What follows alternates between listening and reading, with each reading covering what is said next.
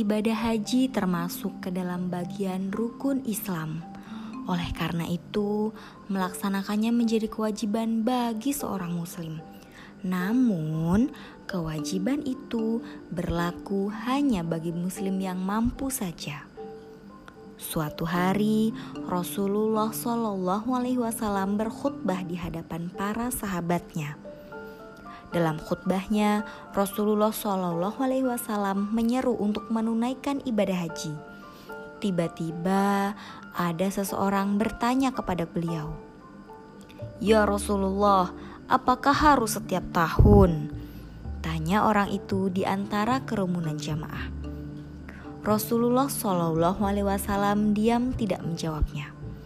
Merasa pertanyaannya belum juga dijawab, Orang yang bertanya itu kembali mengajukan pertanyaannya. Setelah tiga kali mengulang pertanyaan, Rasulullah Shallallahu Alaihi Wasallam barulah menjawab pertanyaan orang itu.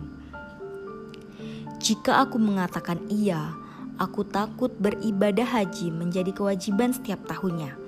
Jika itu wajib, kalian pasti tidak akan mampu melaksanakannya. Jawab Rasulullah Shallallahu Alaihi Wasallam. Oleh karena itu, meskipun ibadah haji itu wajib, hanya berlaku bagi yang mampu saja dan tidak perlu dikerjakan setiap tahun.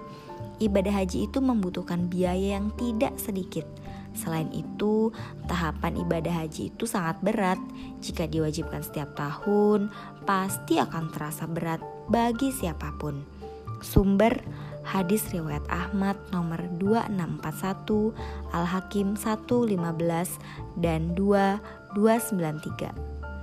Dari buku Ayah Bunda Bimbing Aku Pintar Berhaji.